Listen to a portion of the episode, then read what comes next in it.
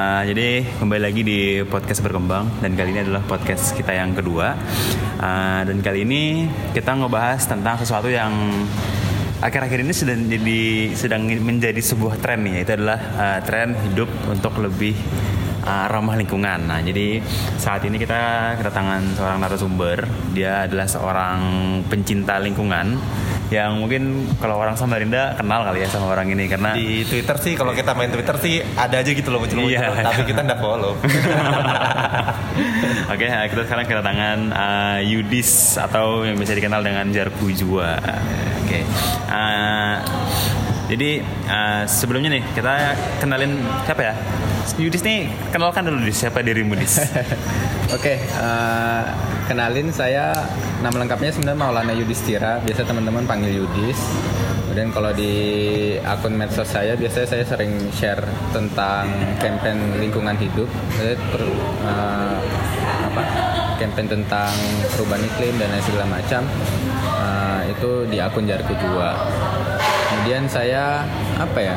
Saya freelance, maksudnya kerjanya juga nggak netap, jadi uh, lebih banyak memang bergelut di uh, isu-isu lingkungan. Mobil minumnya deh. Ya, gitu sih. Uh, Oke. Terus uh, sebagai seorang pencinta lingkungan nih, kamu sudah menjadi seorang orang yang hidup dengan ramah lingkungan ini sedari kapan sih? Terus kenapa gitu? Kenapa kamu memutuskan untuk hidup ya? Aku harus harus peduli dengan lingkungan gitu? Oke, di awal sebenarnya saya sama ya kayak teman-teman yang lain juga gitu, Uh, masih nggak terlalu memperhatikan masalah gaya hidup kita gitu, termasuk masalah sampah plastik yang setiap hari mungkin kita pasti apa ya pasti kenal dengan sampah ini gitu karena hampir semua kemasan yang kita uh, pakai terutama produk-produk tuh dikemas pakai sampah penggunaan plastik itu. Nah, kemudian di tahun 2011 saya terlibat di salah satu organisasi komunitas lingkungan hidup.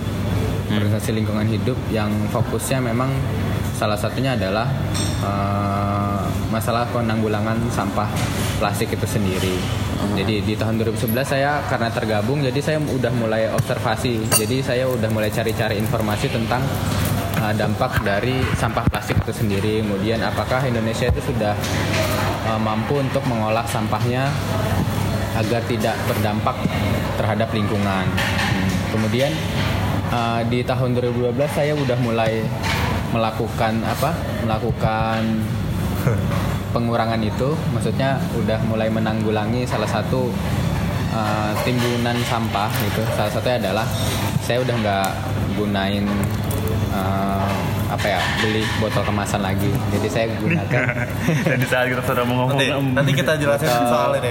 botol minum sendiri. Jadi 2012 saya udah bawa botol minum sendiri. Kemudian lebih ke ini sih ngubah-ngubah gaya hidup dari awal. Jadi biar dia bisa jadi contoh teman-teman juga. Jadi 2012 sudah bawa botol minum sendiri. Kemudian 2013 saya bawa uh, tas belanja sendiri. Jadi saya udah nolak kantong kresek. Kemudian 2014 bertahap sih. 2014 saya udah bawa tempat makan segala macam. Sampai terakhir saya uh, resolusi hidupnya itu jadi setiap tahun sebenarnya saya punya resolusi. Jadi setiap hari bumi saya pasti munculin satu resolusi yang apa saya ubah dari kehidupan saya. Tahun kemarin tahun kemarin saya bilang uh, resolusi di tahun ini saya udah nggak gunain uh, sedotan plastik lagi nah tahun ini uh, saya masih nyari apa yang bisa saya ubah dari hidup saya gitu Maafkan saya, saya menggunakan sedotan plastik saat ini. Jadi uh, di saat kita lagi membicarakan podcast ini, lagi rekaman ini, kita lagi di sebuah coffee shop dan coffee shopnya ini menggunakan gelas plastik dan sedotan. sebuah sebuah tempat yang salah ya untuk untuk membahas topik ini. Kamu tahu nggak tadi kenapa? Tadi itu Yudis mau pesan apa tadi ya? Uh, pesan sama Ah, pesan-pesan Nanyain yang dulu. gini, ada yang dingin nggak? Eh, ada yang hangat Kok kira memang pengen yang hangat kan? Nggak ada, adanya ini pakai botol plastik nggak? Eh, pakai apa sih namanya nih? Pakai Oh, cup iya. kayak gini nggak? Aku aku pernah perhatikan tadi. Apa? ap- oh, kalau gitu langsung ganti. Jadi demi mengurangi plastik ini, dis, mengganti menunya, dis. Sangat cinta lingkungan.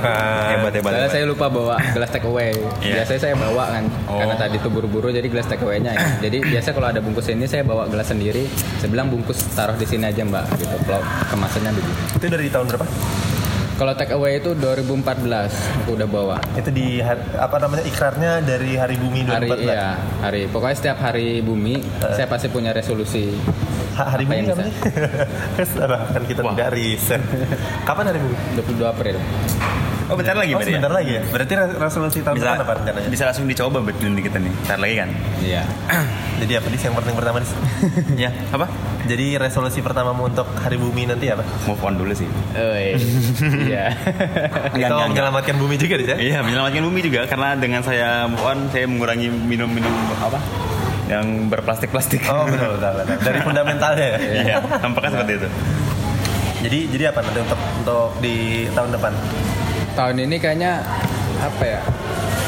eh, masih saya cari sih karena kan beberapa tuh memang memang belum terlalu konsisten ya. Hmm, contohnya Terutama masalah eh, sampah rumah tangga. Jadi di rumah kan memang dipilah sampahnya. Kemudian sebenarnya saya belum ngolah itu. Maksudnya kalau bisa nanti di tahun ini saya bisa bikin kayak sampah rumah tangga ya, terutama yang bekas masakan, potongan sayuran, sisa-sisa makanan itu bisa dibikin kompos di rumah gitu sih. Kompos dis. Jadi nggak buang lagi ke tempat sampah. Jadi sebagian juga uh, sampah karangnya udah dipilah, sebagian nanti bakal coba ditabung di bank sampah juga.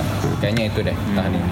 Terus itu kan eh, berarti harus sudah kayak kan sudah sudah menikah ya sekarang ya. Jadi Iya. eh, berarti kan berarti pasangannya juga harus eh, saling mengerti tentang apa eh, stylenya Yudis yang pokoknya harus Oh, ramah iya. lingkungan gitu kan. Ada penyesuaiannya Nah, apa? Itu apakah sang istri ini ada penyesuaian atau emang ketika eh, pacaran pun atau mungkin ketemunya malahan karena sama-sama suka ramah lingkungan? di anu di apa disortir loh. Ah, tidak cinta lingkungan, tidak usah. atau dari awal seperti itu atau emang awalnya tidak tapi gara-gara kenal dengan Yudis akhirnya dia penyesuaian menjadi seperti Yudis gitu. Iya. Sebenarnya dia udah mulai apa ya?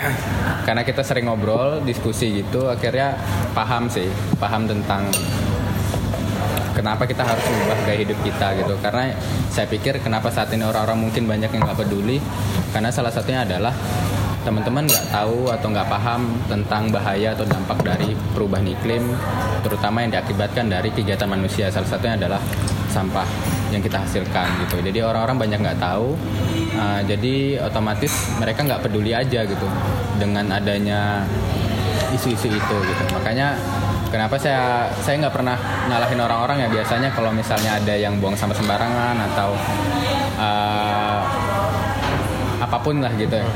Saya nggak pernah nyalahin karena saya pikir teman-teman belum tahu.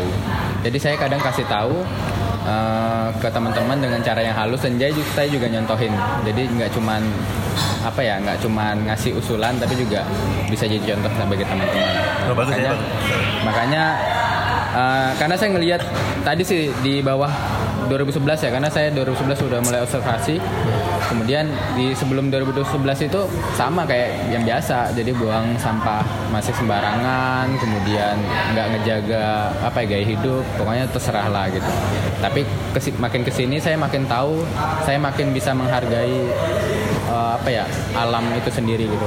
Betapa banyak sudah kita ambil sumber daya alam kita tapi eh, kita belum bisa ngejaga sampai sekarang gitu belum maksimal juga jaganya. Jadi harus ada perubahan mulai dari diri sendiri. Dari itu dorongannya kenapa bisa mau jadi apa namanya aktivis bisa dibilang gitu nggak sih? boleh aktivis Eh, boleh. kena- kenapa atau dari diri sendiri deh kenapa tergerak untuk mulai eh, apa namanya ramah lingkungan? Apakah dari orang lain atau memang dari ini sih apa ya eh, saya ngerasakan ada perubahan-perubahan yang terjadi di hidup kita ya terutama eh, masalah eh, dulu kita nggak terlalu panas sebenarnya. Sekarang tuh matahari kan semakin panas nyengat aja panasnya gitu. Kemudian eh, kita semakin kayak Samarinda aja semakin parah banjirnya kalau misalnya hujan segala macam. Saya pikir salah satu perubahan dari eh, lingkungan kita itu salah satunya adalah akibat dari perbuatan manusia jadi saya pikir harus kita sebagai manusia tuh harus berubah untuk bisa menanggulangi itu. Karena saya, saya bilang nah, kerusakan lingkungan yang terjadi saat ini itu salah satunya adalah dari kegiatan kita, aktivis manusia. Kemudian uh, dan saya yakin karena kita merupakan penyebab, kita juga bisa jadi bagian solusi tersebut. Nah, jadi kita bisa ngubah gaya hidup itu agar tidak berdampak buruk terhadap masa depan uh, lingkungan kita. Jadi nggak ada awalnya misalnya nonton pertama nonton video apa dorongan yang paling big kan biasanya kan ada yang membuat kita jadi benar-benar serius. Kadang-kadang kan cuman oh ya tahu nih kalau misalnya ini akan merusak bumi plastik untuk akan ini. Tapi dat- datang dari mana untuk benar-benar serius untuk kita jaga lingkungan. Ya itu tadi karena saya belajar kan maksudnya saya cari tahu termasuk tadi saya lihat video kemudian lihat tadi kan video kan bisa da- lihat dampak-dampaknya kemudian baca artikel-artikel tentang uh, perubahan iklim saat ini. Jadi itu yang membuat hati saya tergugah uh, dan saya mungkin nggak bisa ngajakin banyak orang ya banyak orang. Maksudnya saya dari 2012 eh 2011 sampai sekarang itu saya pikir uh, susah tuh gitu ngajakin orang buat ikut apa yang bisa saya lakukan. Tapi saya coba konsisten untuk melakukan itu. Jadi sendiri aja dulu sendiri sama teman-teman komunitas juga organisasi.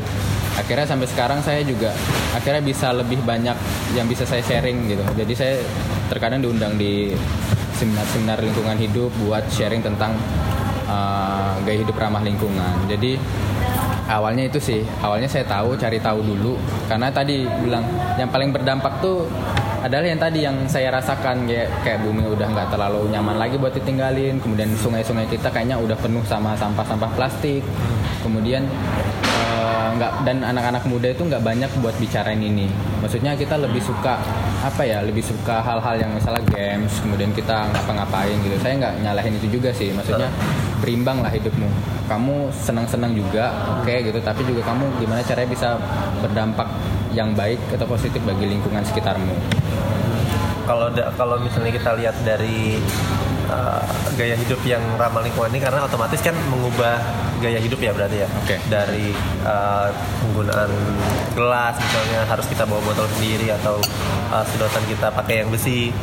Nah itu ada kesulitan atau kadang-kadang kan orang merasa ribet ya. Ini ah mendingan nggak usah gitu. ya sulit sulit banget makanya kenapa saya bilang setiap tahun tuh bertahap jadi awal kan bawa apa uh, tumbler. Kadang tumbler kita atau air tempat air minum tuh kadang kelupaan atau kita malas ngisi dan segala macam.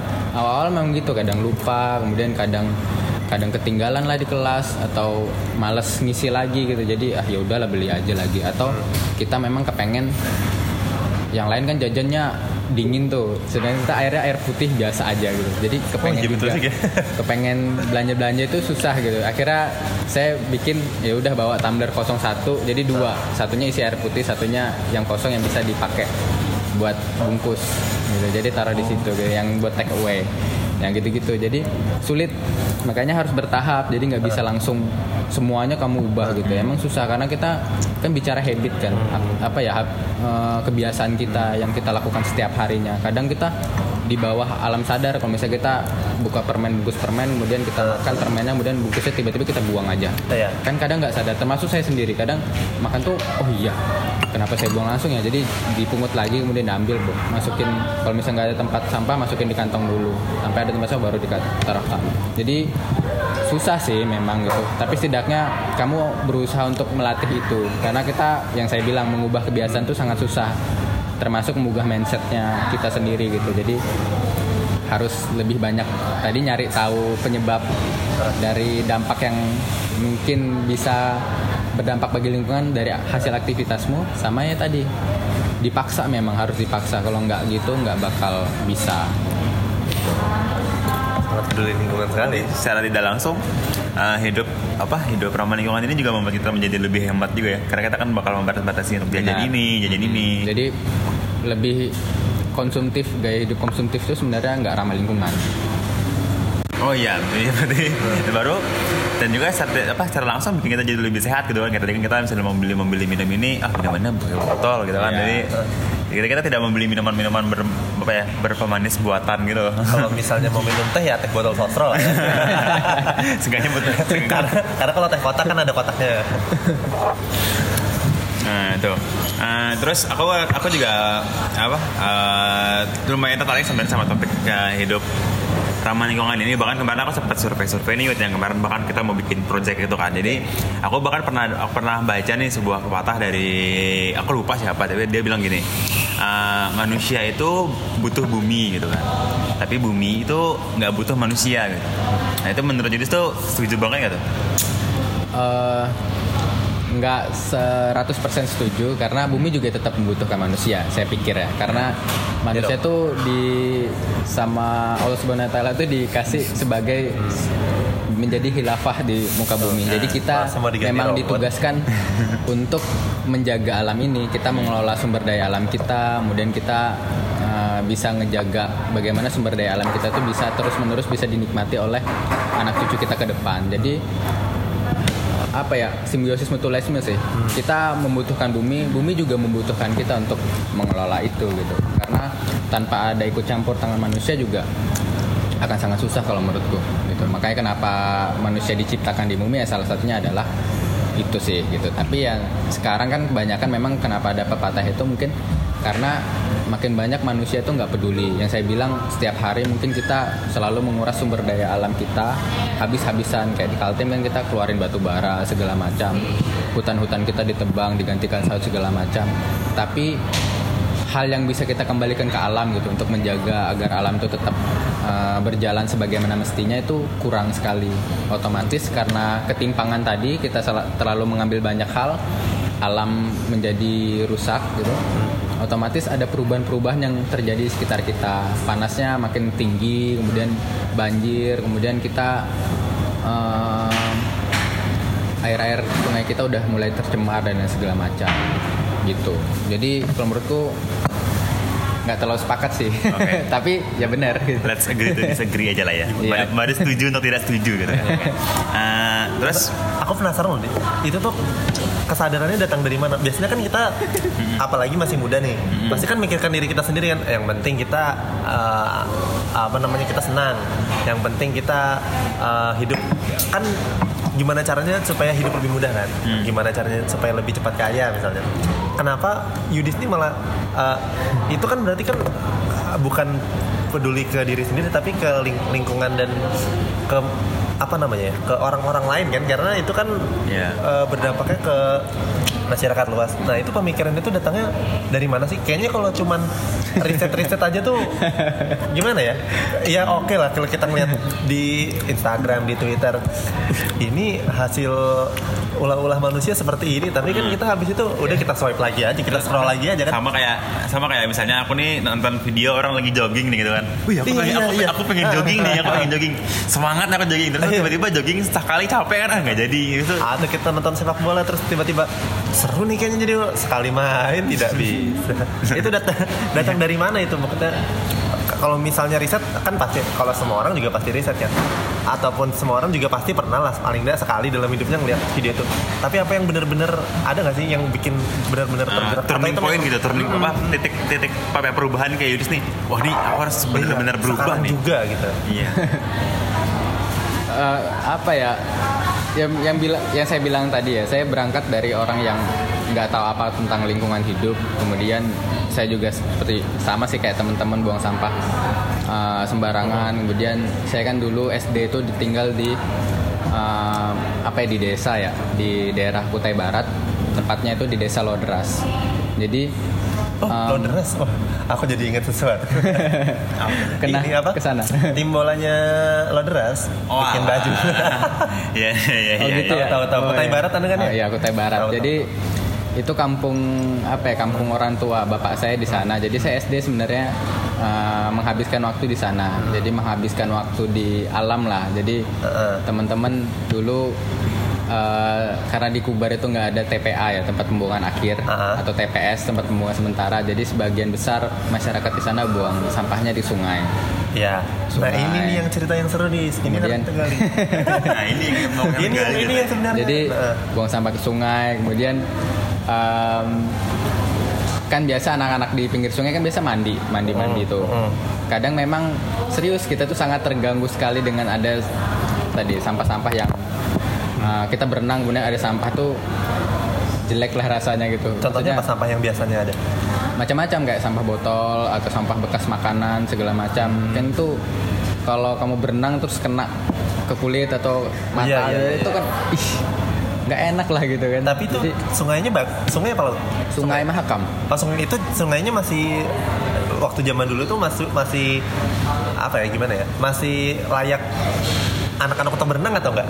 Sudah. masih layak Masih sampai layak. sekarang pun masih layak Ha-ha. tapi karena kan dia kan hanyut tuh jadi dari Ya, Tubar ha. hanyut dikirim ke Samarinda jadi orang Samarinda kena kena ini kan kena sampah-sampah yang Ya. kita buang dari hulu Mahakam gitu. Ha-ha. jadi te- bisa tetap karena kan ngalir air sungainya Ya, ha. cuman ada beberapa perubahan yang saya bilang saya se- selalu melihat pada saat saya tahu gitu Hmm. saya akhirnya bisa mengaitkan masalah yang terjadi ketika waktu saya kecil oh ternyata benar ya kenapa uh, pada saat itu dulu saya ingat orang tua saya kan biasa bikin jala ikan gitu jadi satu sekali jala itu udah sangat banyak sekali ikan yang didapat Heeh. jadi bahkan ada ikan-ikan tuh langsung apa ya terjun bukan terjun sih lompat-lompat masuk ke dalam uh, Jala. kapalmu Hmm. atau perahu gitu masuk ke dalam situ saking banyaknya ikan Oh di iya. Sungai Mahakam pada saat itu udang galah kemudian banyak hal lah yang jadi saya sangat menyukai ikan segala macam dulu kan. Tapi pas sudah saya mulai SD masa udah mau kelas 5 kelas 6 perubahan itu udah mulai terjadi gitu. Jadi ikan udah susah mulai susah ditangkap kemudian nggak se- sebanyak dulu lagi kupikir salah satunya adalah perubahan tadi sih perubahan air yang kita buang sampah terus kemudian ikan itu akhirnya nggak bisa berkembang dengan baik di dalam sungai gitu. Itu yang bisa saya kaitkan sih setelah saya tahu tadi itu jadi karena punya alasan apa ya punya alasan tadi pribadi saya udah Iya. banyak merusak lingkungan juga. Waktu kecil saya juga buang sampah rumah juga sama. Orang tua bilang buang sampah ya gitu. Jadi saya turun ke sungai kemudian saya lempar atau atau pakai karung taruh aja gitu biarkan hanyut gitu karena pola pikir di sana kan pikirannya toh dia hanyut juga padahal Iya, iya. Padahal sampah itu oke hanyut sebagian mungkin dimakan ikan, sebagian sebagian besar akan nanti sumbernya berada di laut. Jadi kan sungai nanti bermuara di laut. Makanya Ya. 90% sampah yang ada di laut itu berasal dari daratan, berasal dari kita. Lewatnya ada sungai-sungai itu pembuangannya. Tuh, Karena- jadi karena itu ya? karena salah satunya tadi sih karena kayak saya hidup di pinggir sungai, saya mengalami itu dan saya juga salah satu yang buang sampah itu. Ini salah satu bentuk tanggung jawab saya sebenarnya Hmm. karena saya udah tahu dampaknya, maka saya harus memaksimalkan diri saya untuk bisa ngejaga itu. membayar. semacam rasa bersalah dengan kecil membayar ini ya. saya dosa waktu kemarin-kemarin yang kita memang nggak tahu. bagus loh ini yang kita cari jadi ini bagus loh kalau misalnya di setiap kan kemarin kan sering jadi pembicara apa kalau cerita ini di diangkat tuh Iya. jadi menarik Oke. Ah, Loh, audio hilang apa? audio hilang nah apa nih audio hilang Wah dasar Android. oh hilang betulan hilang nih Kalau iPhone gua ini tinggal nih berdua harapan. Android one Oke, Android one. eh, terus kita mau langsung sesi berikutnya atau mau di dulu? Atau mau Udah- dulu udah berapa tanyakan? 22. Loh ini kok bisa hilang ya 23 menit nih, bener. tapi yang sebelahnya tadi nggak ada Mungkin tungguin aja, mungkin banyak kali. Nah, dah. sudah Ah, jadi sudah ganti segmen nih kalau mau ganti segmen, tadi lagi mau ngebahas. Sudah 23 Iya. menit sih. ada lagi Dari Eh, yang- yang- atau ada yang- cerita-cerita kita teman di, yang lain? di segmen berikutnya bisa lebih dalam. iya kan ini kan ngebahas Iya, ngebahas sisi dulu kan personalnya Yudis dulu, Eh. sisi personalnya Nah, Yudis. setelah itu ada lagi ada ada ini pengalaman sih maksudnya pengalaman ketika kamu melakukan tadi sih kayak misalnya kamu di cafe shop kamu nolak penggunaan Hmm. itu tuh susah jadi saya pernah yang saya bilang pengalaman yang paling saya ingat itu adalah saya pernah dicurigai satpam security gitu Di mana, dikira di mana? saya ngambil di, Di salah satu minimarket di Samarinda Ah. di daerah Halaya lah ya Ah. Oh di daerah lainnya ada yang yang, minimarket. yang, yang sangat besar lah Iya, iya, iya, cuma ada itu kan. ya pokoknya yang sangat besar lah yang sangat besar lah di sebelah Di kanan kan? ya, ya, ya, ya. Eh, jadi saya kan belanja tuh. Saya lupa pokoknya belanjaan saya tuh nggak banyak. Jadi saya bisa pakai tangan karena saya kan bawa tas tapi tas saya titip di security kan tempat Ah, penitipan ah. tas. Nah, jadi saya bilang sama mbaknya nggak usah pakai kresek. Heeh. bilang mbaknya nggak apa-apa mas bungkus aja. Nggak apa mbak. Nggak usah pakai kresek. Bro, akhirnya nggak pakai kresek kan. Jadi saya keluar saya bawalah belanjaan itu pakai Ah. tangan kan Ah. gitu jadi saya langsung dipanggil satpam Jadi dikira you know lah gimana kan? uzun nih satpamnya nih dikira Pak. dikira ngambil kan nggak bayar Ah, gitu ah, kan karena nggak ada kreseknya jadi Iya. kan nggak ada kreseknya mas jadi saya akhirnya ngelihatkan bukti pembayaran Ah, itu saya ah. bilang saya punya bukti pembayaran ini pak Ah. oh akhirnya di lain kali mas pakai kresek aja saya nggak pakai kresek pak gitu karena saya Susah ya?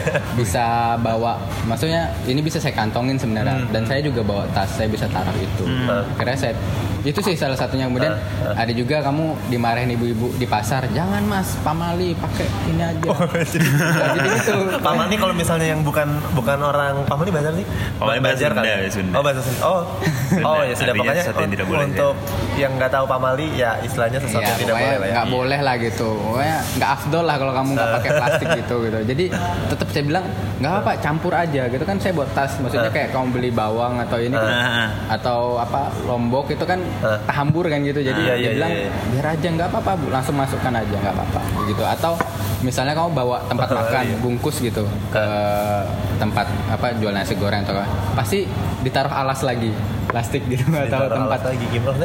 Iya. Eh, tempat makan gitu kan ada Ah. biasa yang kertas kertas makan yang biasa bungkus makan Ah, ah. itu kan ditaruh lagi di tempat Oh, makanmu kan dikasih koran gitu ya? Iya, kayak koran atau apa nasi gitu kan, kuning gitu ya? Karnasi, karnasi, Ah, karnasi, karnasi. Iya, iya, Ya, iya. kertas nasi itu ditaruh lagi saya bilang kan gak usah tapi dipakai lagi gitu jadi susah atau kamu misalnya udah ngingetin ke kasirnya Ah. nanti mbak nggak usah dibungkus ya mbak Ah. taruh aja gitu Ah, baru kadang mbaknya lupa dibungkusin jadi saya lepas lagi yang gitu gitu agak agak repot sih Itu nge ngerusak moodnya sih kalau gitu kan? Iya. kadang kadang kesel sih maksudnya kamu udah ingetin di awal Hmm. Nah, terus begitu gitu sama kayak misalnya pada saat ini kan Samarinda tuh udah bikin aturan Ya. Tidak ini kan, kresek ya? tidak menggunakan kantong kresek lagi 21 April ini bakal di launchingkan itu maksudnya di Nah, kalau ini kan masa-masa masih sosialisasi kan Hmm. 21 itu udah ditetapkan gitu jadi hampir semua retail-retail modern itu udah nggak menggunakan kantong kresek lagi Hmm. jadi teman-teman yang pengen belanja harus bawa kantong belanja sendiri senang sih ada aturan itu jadi saya nggak susah-susah lagi ngomong nggak usah Oh, iya. pakai kantong kresek Tidak akan dituduh mencuri lagi. iya Tapi akan dibilang Pak Mali sama ibu-ibu sih. kalau pas pas sosialisasi masih gitu. Nah, eh, tapi ada beberapa pada saat sosialisasi itu ada saya sempat negur salah satu kasir yang eh, masih pakai kantong kresek kan. Maksudnya sosialisasi. Jadi dia masih menyediakan kantong kresek. Maksud saya kalau misalnya kamu sosialisasi kamu bilang lah Bu mau kantong kresek atau enggak Karena nanti tanggal 20 April itu nggak boleh ada lagi kantong kresek Maksudnya kalau kamu mau sosialisasi ngomong lah Bukan dengan cara ya udah masukin aja Toh katanya belum juga ada aturannya. Jadi saya tegur saya bilang percuma dong ada uh, himbauan kalian di depan tapi teman-teman apa orang-orang sini masih menggunakan kantong itu gitu kantong kresek. Hmm. ya gitu sih tegur secara langsung. Tapi nggak keras sih maksudnya tegur aja biasa gitu. Hmm, hmm. gitu gitu jadi lumayan susah sebenarnya menerapin sama. Terakhir ya saya bikin pernah bikin apa ya uh, sosial eksperimen sebenarnya Ah, dimasukkan YouTube. Iya. Cuman gagal. Maksudnya Apa? gara-gara filenya hilang kemarin. Jadi kita nggak sempat. Jadi kita tuh saya kan punya komunitas tuh. Jadi Ah. saya sama Apa disebutin teman-teman aja komunitas Kopi Kaltim. Jadi kom- sama Kopi Kaltim itu teman-teman di Hari Bumi. Jadi kita 2015 kayak nggak salah.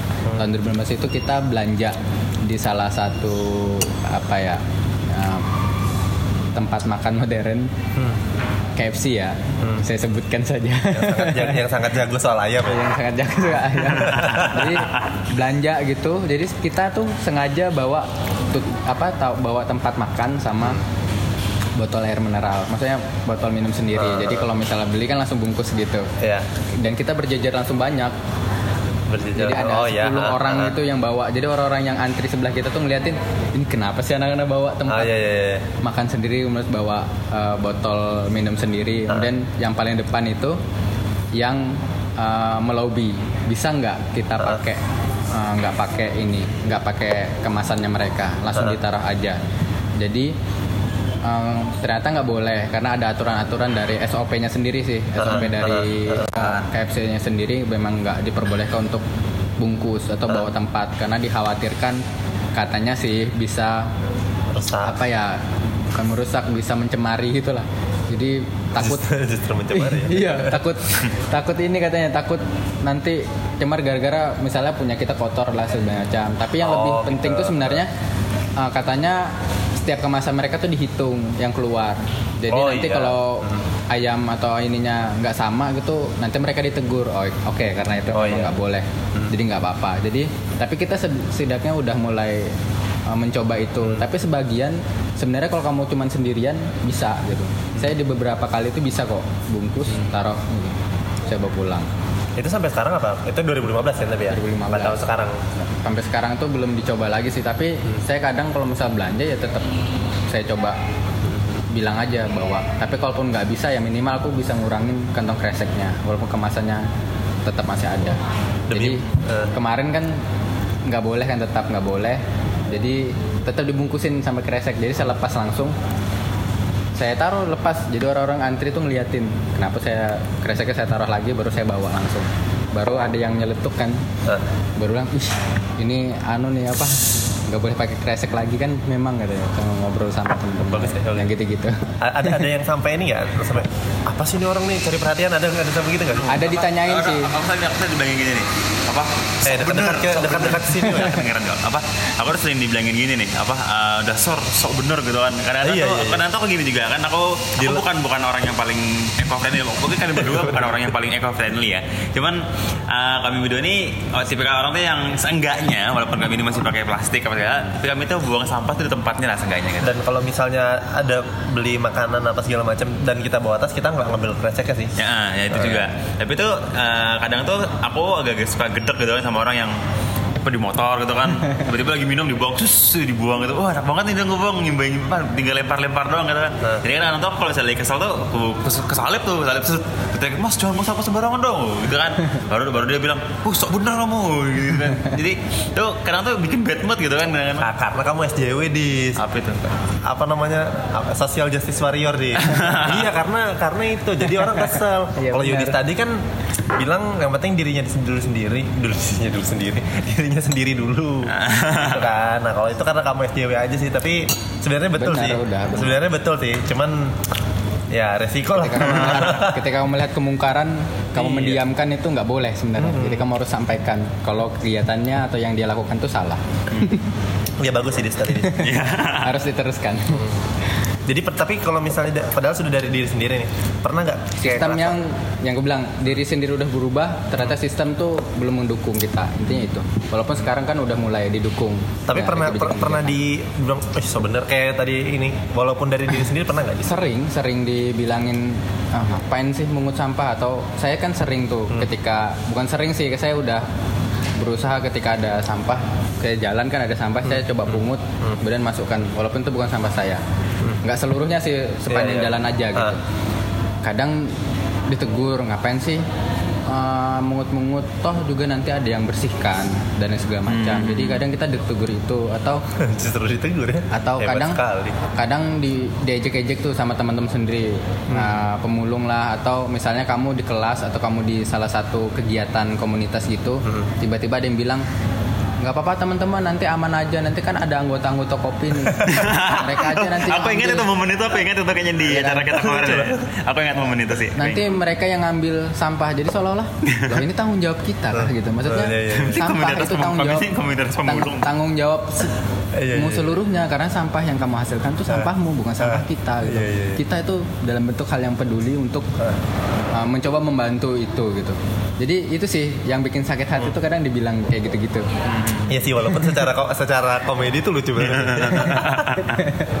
tapi ketika kamu yang Iya, tapi kalau berada pada posisi ini- itu kamu ngerasa tersinggung aja gitu. Oke, eh, bah, jadi segmen berikutnya ya. udah udah gitu aja. Ya, Seru jadi- loh. Ini iya. nanti yang pertama pertamanya kan Eh, jadi di jadi segmen berikutnya, jadi sekarang podcast ini kita bikin dua segmen setelah podcast pertama kemarin langsung full rekam tidak tidak berhenti berhenti. susah ngeditnya kan. Ternyata ngeditnya susah.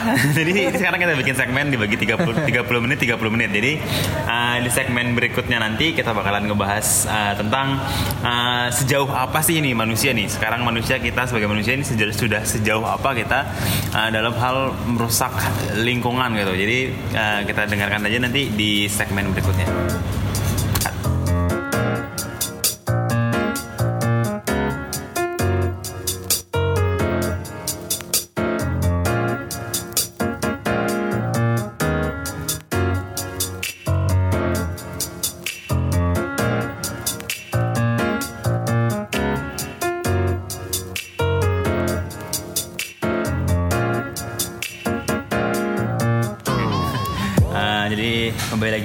Podcast berkembang di kali ini di, seg- di segmen kedua. Jadi di segmen kedua ini kita bakalan membahasnya nih lebih dalam lagi nih tentang eh, gaya hidup ramah lingkungan ini sendiri. Nah jadi eh, seperti yang di awal tadi deh, eh, sudah sejauh apa sih manusia ini eh, merusak lingkungan gitu? Dari Dan tadi kita udah ngobrol-ngobrol juga sebelum ini kan sama si Yudis ada yang namanya mikroplastik gitu kan. Mikroplastik tuh apa tuh gitu kan. Dan kawan-kawan tuh sudah sejauh apa nih sampai separah apa nih sampai parah-parah bangetnya.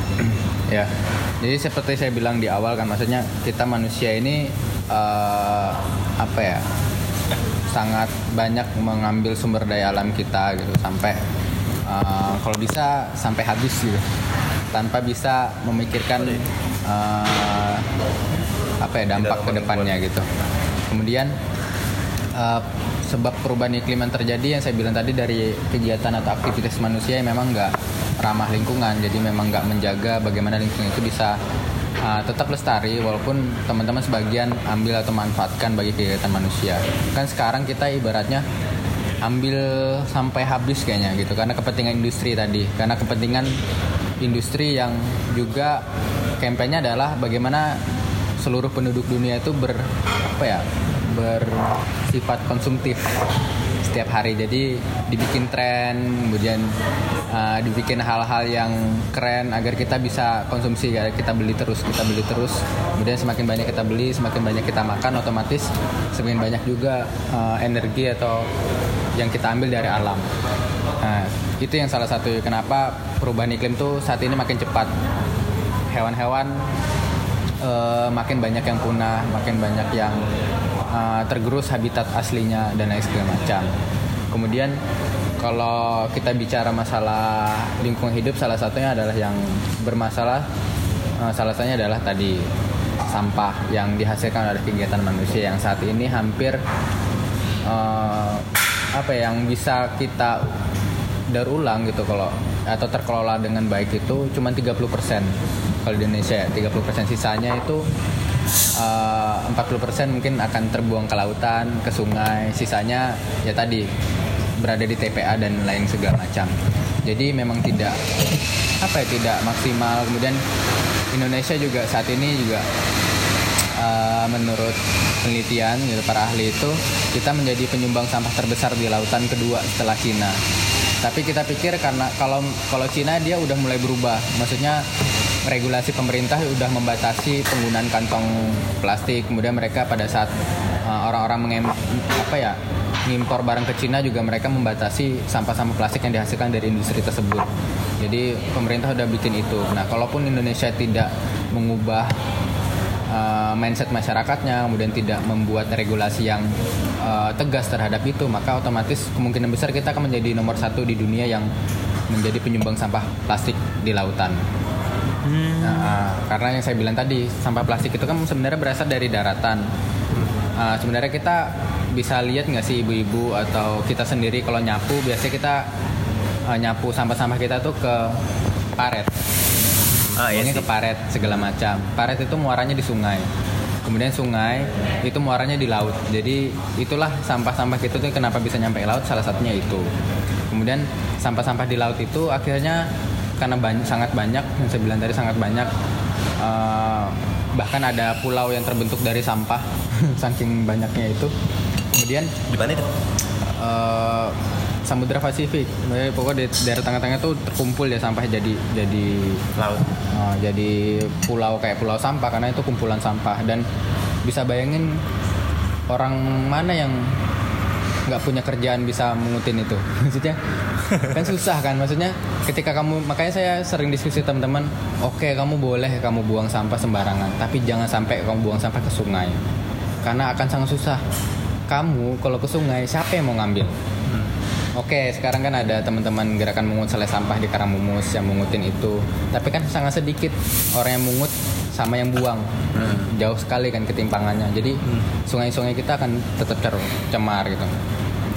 Jadi pencemaran itu akhirnya dimakan sama ikan paus, kemarin kan ada ikan paus yang mati dibelah ternyata Oh iya. oh, isinya sampah semua. Kemudian eh, hewan-hewan kayak burung-burung laut itu mati juga gara-gara dia makan sampah-sampah tadi. Penyu mati makan sedotan plastik makan kresek. Karena kresek itu kan kalau misalnya terbalik itu eh, dia macam pen- macam apa ya? Macam ubur-ubur yang sangat disukai Oh, iya. sama eh, penyu jadi mereka makan itu akhirnya tidak bisa terurai di dalam perut akhirnya mereka mati kemudian Dia makan ubur-ubur daun. Iya, makan ubur itu makanan kesukaannya penyu. Oh, gitu. Ubur-ubur.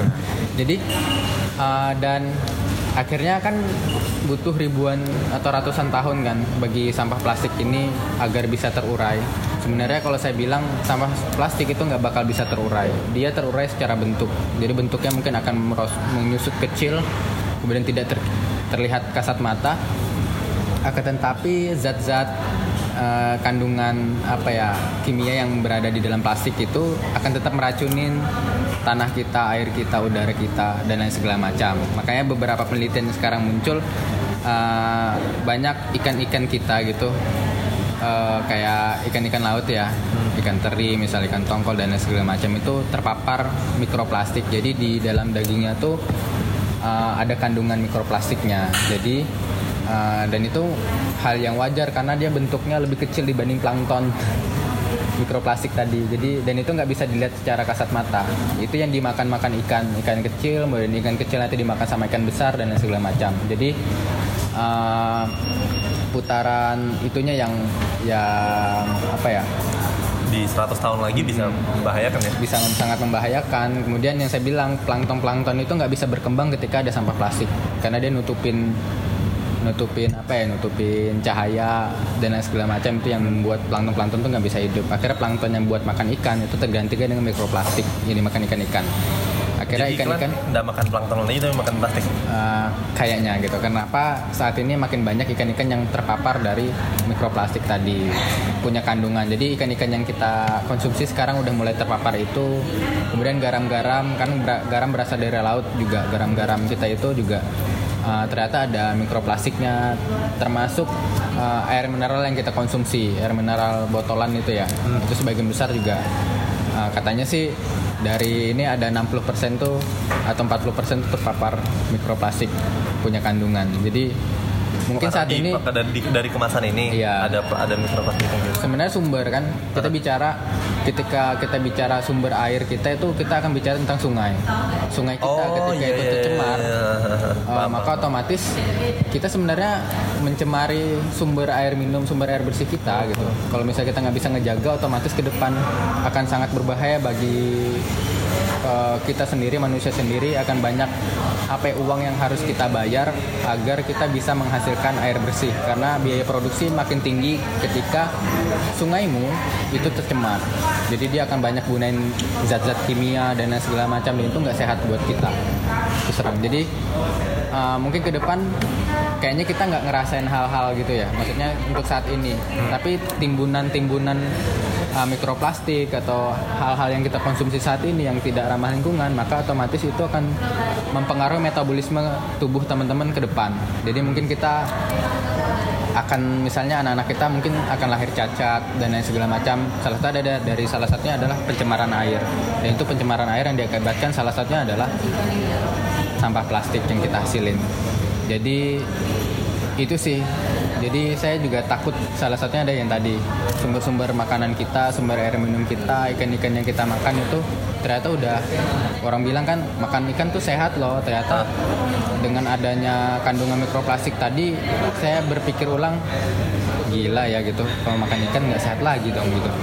Jadi kasihan aja gitu kasihan buat kita juga dan mau sampai kapan kalau misalnya kita nggak ngubah sementara yang saya bilang tadi sampah-sampah di lautan tuh akan terus ada dan kita selalu membuang membuang buang tanpa bisa uh, mengelola sampah itu dengan baik. Dan Indonesia sendiri gitu pengelolaan sampah itu kan masih tradisional ditumpuk di tempat yang luas kemudian dibiarkan.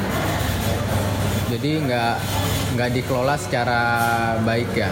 Atau sebagian dibakar atau terbakar dan segala macam. Dibakar itu tuh malah justru lebih nggak bagus ya? nggak bagus karena eh, kan ada zat karsinogeniknya itu. Maksudnya kamu bakar asapnya kamu isap kemudian itu bisa menyebabkan kanker dan lain segala macam. Kan asapnya itu sangat hitam kan? Hitam legam gitu hitam legam dan itu nggak boleh. Makanya kayak ada tetanggamu kadang ini tetangga saya nih gitu. Dia tiap pagi seharusnya kan harus menghirup segar. Iya. dia bakar sampah pagi-pagi. Jadi dan itu tetangga sebelah. Makanya saya pikir sama istri kan saya bilang kayaknya kita harus kirim surat deh sama orangnya. Kirim surat yang di mana ada aturan tidak boleh membakar sampah kemudian ada dampak-dampak yang bisa dihasilkan terutama dampak ke manusia yang jadi kena penyakit dan segala macam. Jadi baru kita bilang makasih udah bikin udara kita nggak sehat. Dan bikin tetanggamu ini ya apa terpapar polusi udara yang nggak bagus buat kesehatan ya gitu gitu mau kirim surat kami sampai Tapi pasti nanti dibalas. Enggak kok kita sudah puluhan tahun begini biasa aja. jengkel sambil saking ini ngapain sih orang-orang itu nah kan ada ada tukang sampah misalnya udah Iya. udah tiap hari tuh ngambilin Ah. sama ngapain harus dibakar lagi gitu pagi-pagi kamu harus ngirup udara seger dong pagi-pagi ngirup sampah plastik sampah yang dibakar sama tetangga gitu gitu Saya memang hobinya begini. Saya kalau nggak bakar sampah tiap pagi uring-uringan. eh, enak kok baunya. Coba sini. dia apa new style of ngerokok kan. Dihisap gitu ya. sudah jadi kebiasaan hidup ya bakar sampah Tapi kan kan itu bahayanya banyak banget nih. ya Kalau misalnya seluruh dunia tahu, kira-kira kebiasaan itu bakal berubah nggak? Dan kapan kira-kira nih prediksi nih? Kalau misalnya enggak seandainya aja, kalau kapan kan Ah. itu pasti dengan sosialisasi Dan- lama nih. ah. Tapi kalau seandainya seluruh bumi tahu, ini kalau kita terus begini nanti ada microfiber bla bla bla bla atau mungkin bahasa yang lebih mudah lah. Kamu nanti anakmu bisa minum makan ikan aja ada plastiknya gitu. Kira-kira mungkin nggak kalau itu tuh terwujud tidak ada plastik atau kayak gimana pun? Eh, yang saya bilang sih akan mungkin karena suka nggak suka kita melihat eh, makin ke sini tuh makin banyak tentang kayak regulasi udah mulai mendukung kemudian makin banyak aktivis atau penggiat-penggiat lingkungan yang bersuara makin banyak gerak-gerakan eh, yang mendukung itu karena kewajiban sih keharusan untuk ngubah gaya hidupmu. Kayak misalnya eh, retail-retail modern kemudian tempat-tempat pusat pembelanjaan. Itu sekarang udah mulai bikin bikin aturan kayak misalnya mereka udah nggak gunain sedotan plastik lagi kan ada beberapa tuh dan lain semacam. Saya pikir itu menjadi suatu kewajiban ke depan atau syarat bagi salah satu perusahaan atau eh, pemerintah ketika dia mau naik menjabat salah satunya menawarkan bagaimana caranya dia bisa menanggulangi dampak dari perubahan iklim itu sendiri. Jadi perubahan iklim itu sekarang masuk ke seluruhnya kan ke isu-isu kesehatan, kemudian isu-isu politik. Jadi presiden atau gubernur mana yang nggak menjanjikan itu?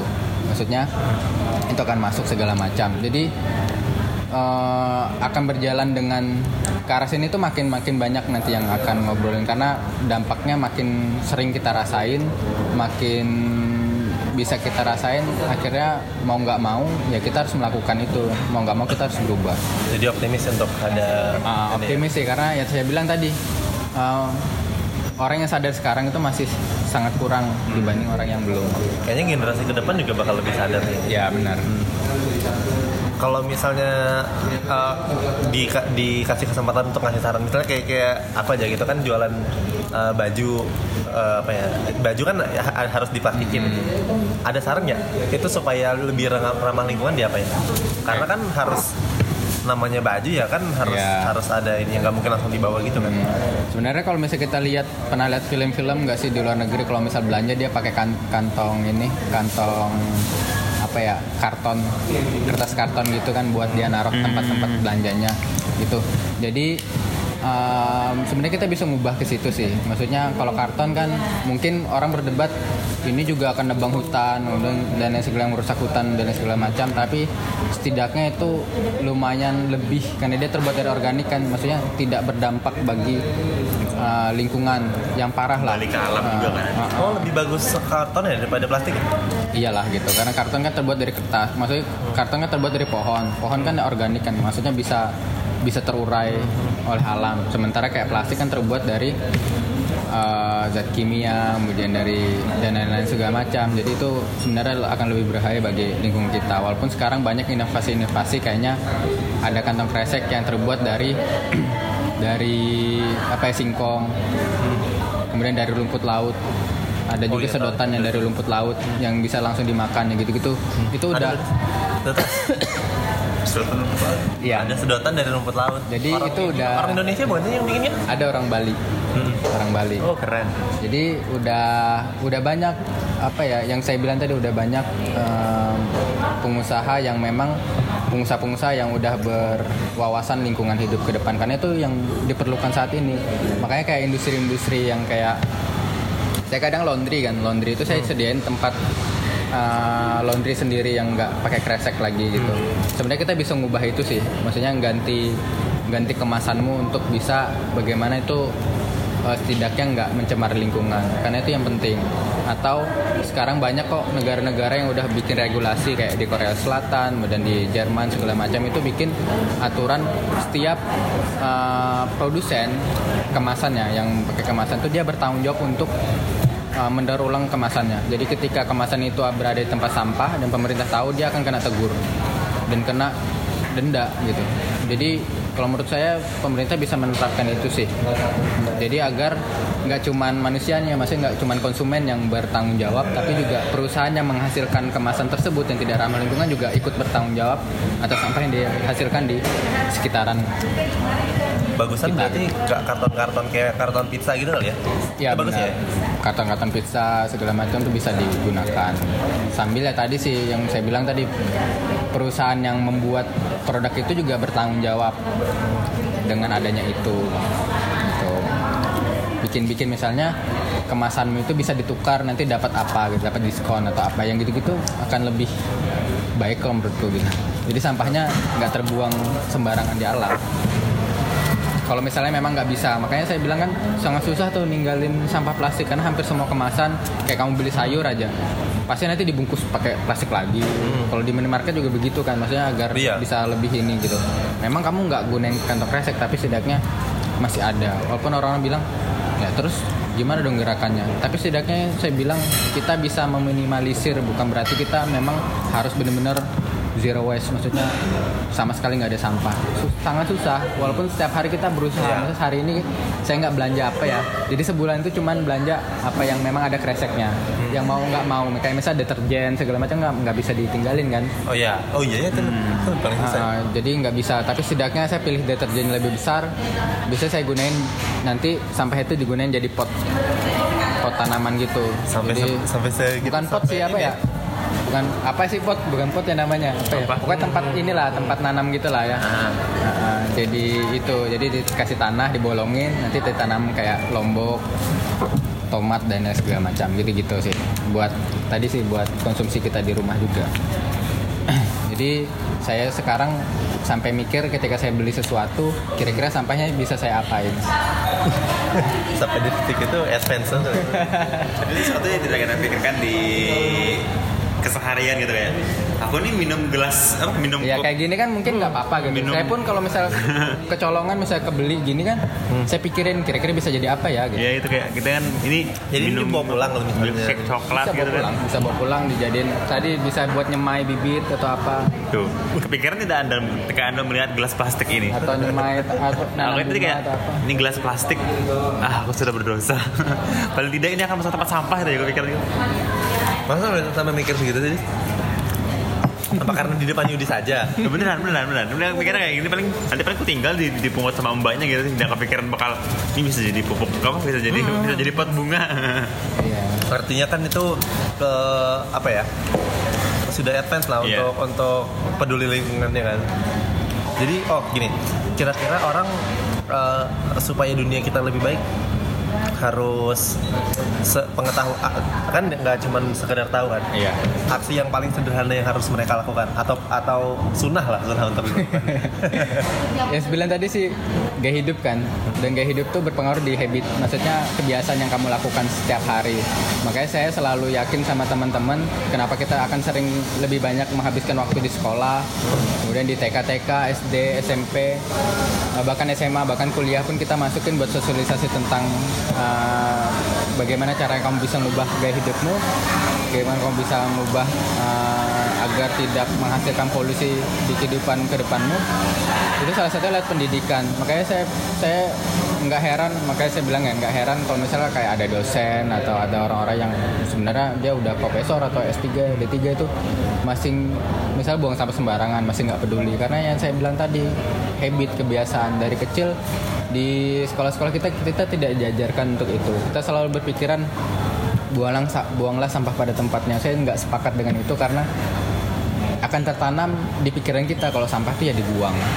Jadi itu harus diubah mindsetnya gimana sampah itu bisa dikelola bisa dipilah misalnya. Jadi jargon-jargon itu. Karena saya bilang buang sampah pada tempatnya memang eh, nggak uh, bermasalah tapi sebenarnya menunda masalah. Jadi dia cuma tertumpuk di tempat sampah TPA dan dibiarkan begitu saja.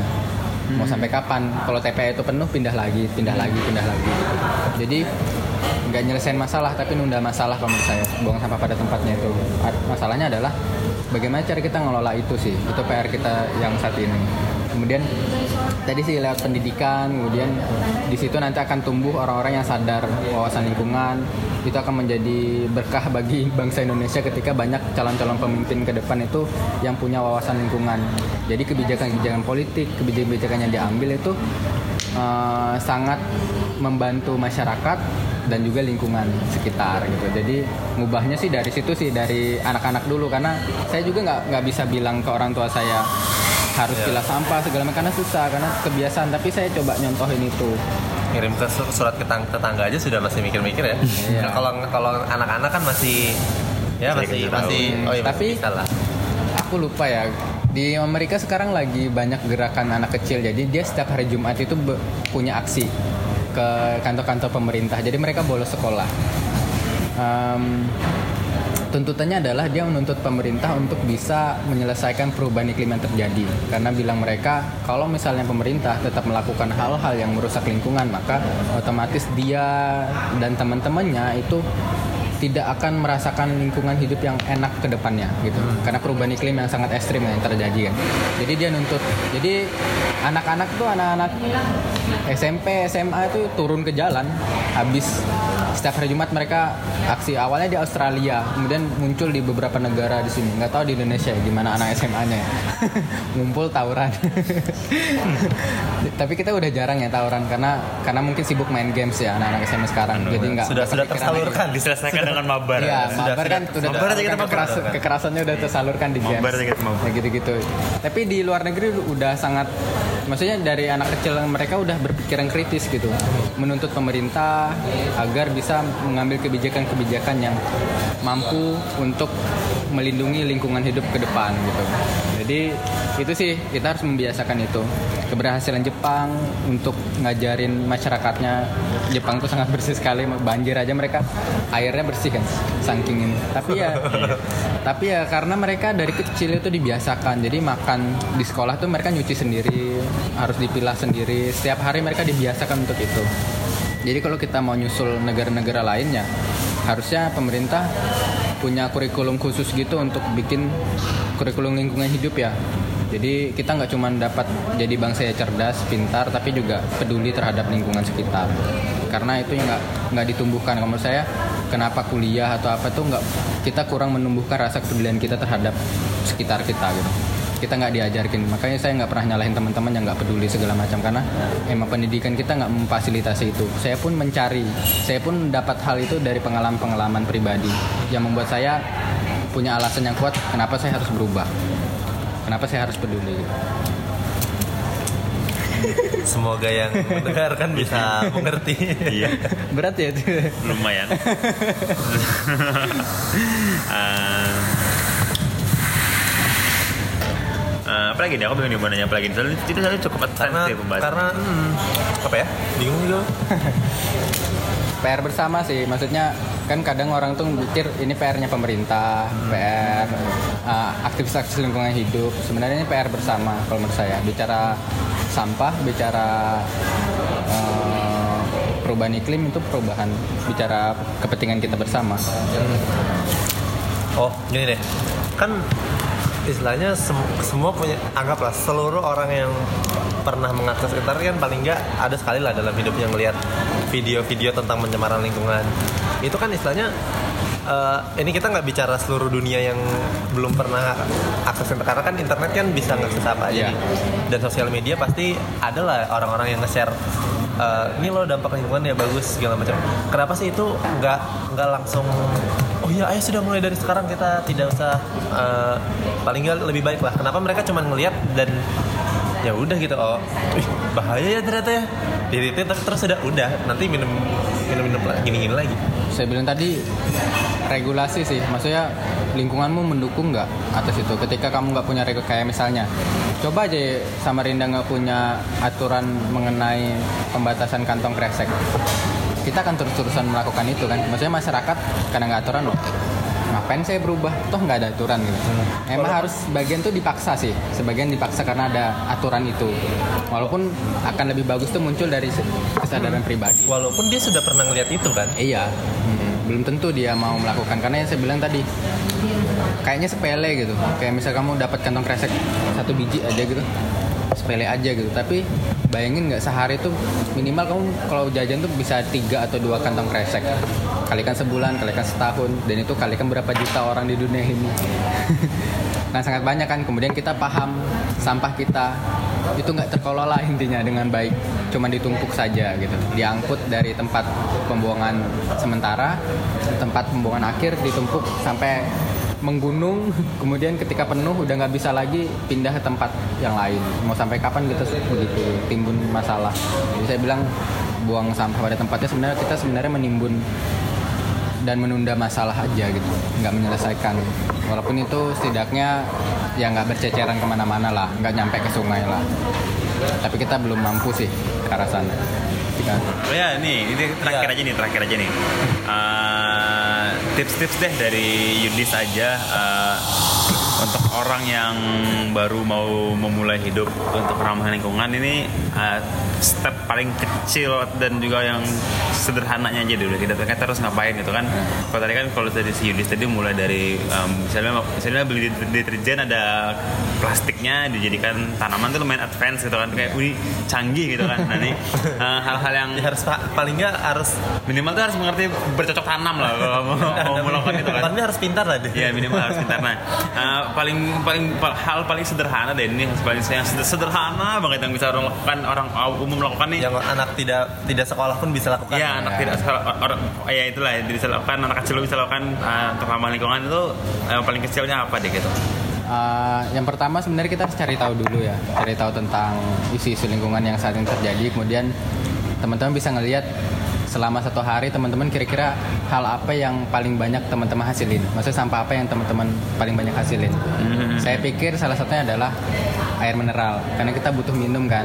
Apalagi kalau misalnya aktivitas kita tuh banyak kita lakukan di luar rumah atau kita ke coffee shop ternyata coffee shop nggak menggunakan gelas Kayak gini. dan lain segala macam gitu kan itu kan sangat susah tuh karena kebetulan lingkungan kita masih belum membantu itu tapi setidaknya teman-teman bisa uh, mengulangi itu menanggulangi dengan cara bawa botol minum sendiri misalnya sehari teman-teman bisa apa ya konsumsi 5 botol air mineral karena bawa tumbler teman-teman cuman konsumsi tiga botol air mineral. Menurut saya itu udah membantu mengurangi timbulan sampah botol setiap hari dari aktivitas teman-teman. Jadi cari tahu dulu sih kalau menurut saya kira-kira apa yang paling banyak. Kemudian eh, tadi hal yang bisa dilakukan bawa tas belanja sendiri.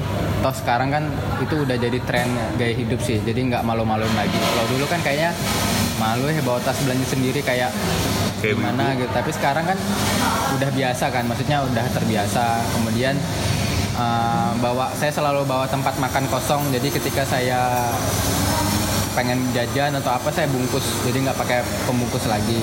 Jadi teman-teman kalau misalnya suka jajan dan lain segala macam atau ketika makan kadang makanan itu nggak nggak habis.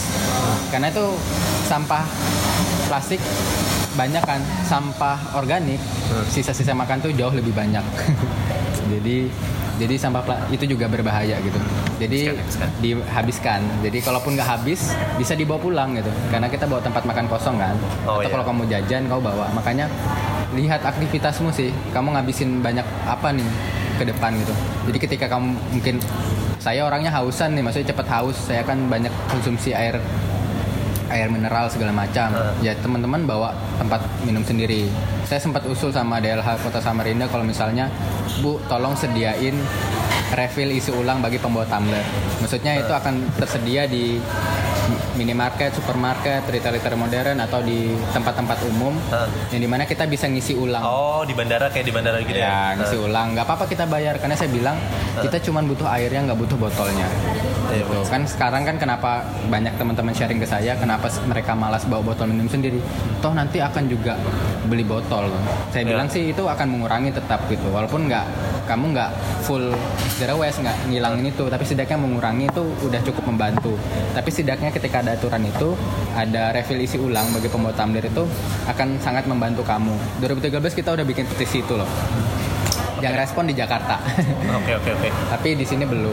Ke depannya sih itu hal-hal kecil aja. Berarti saya bilang tadi sih aktivitasmu seperti apa, kemudian kamu kait-kaitkan. Oh kira-kira saya bisa ngurangin ini nih. Solusinya adalah tadi bawa botol sendiri, sendiri bawa tempat makan sendiri, bawa tas belanja sendiri. Itu start start starter, starter packnya berarti Iya. uh, botol minuman satu paling nggak. Nah, botol minuman. Makanan, botol uh, apa tempat makan juga. Tempat makan Tempat boleh take away karena sebagian besar kan gelas take away, maksudnya gelas yang bisa kamu pakai lagi. Hmm. Itu kan kadang di kafe-kafe biasa nggak nyediain. Sekarang banyak kemasan-kemasan itu. Bawa. Kemudian sedotan juga. Iya. Sedotan. Kita sedotan stainless juga ada. Kemudian sapu tangan, sapu tangan pengganti tisu. Sapu tangan. Banyak juga ya. Habis itu apa lagi nih? Udah itu sama tote bag. Itu ya. Oh, tote bag Tempat- tempat tote bag belanja. ya. Oh, lima dis.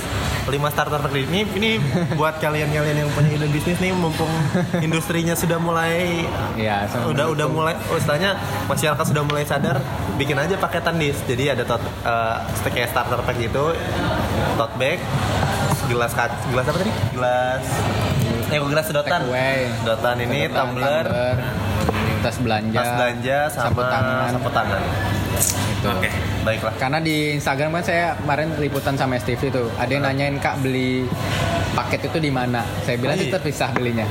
Kalau Iya, misalnya iya, teman iya. pengen mau bisnis itu kayaknya sekarang tuh orang akan tertarik Lagi- deh kalau lagi paket per paket gitu, jadi udah lengkap.